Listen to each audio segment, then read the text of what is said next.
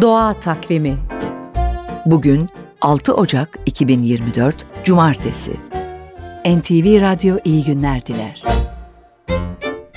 Zor koşullarda en kötü hava olaylarıyla karşılaşan, hatta yıldırım düşmesiyle ortadan ayrılan Karaçam yüzlerce yıl dimdik ayakta kalabilir. Buna karşın çok daha iyi koşullarda yaşayan bir ağaç 400 yaşını geçmeden ölebilir. Neden? Profesör Doktor Ünal Akkemik Ağaçların Dilinden adlı kitabında diyor ki, hayatta kalmak için fazla mücadele vermeyen ağaçlar arada bir karşılaştığı olumsuz çevre koşullarından daha çok etkileniyor. Daha çabuk kuruyor. Mesela böcek mantar gibi zararlılara maruz kaldığında çok zarar görüyor.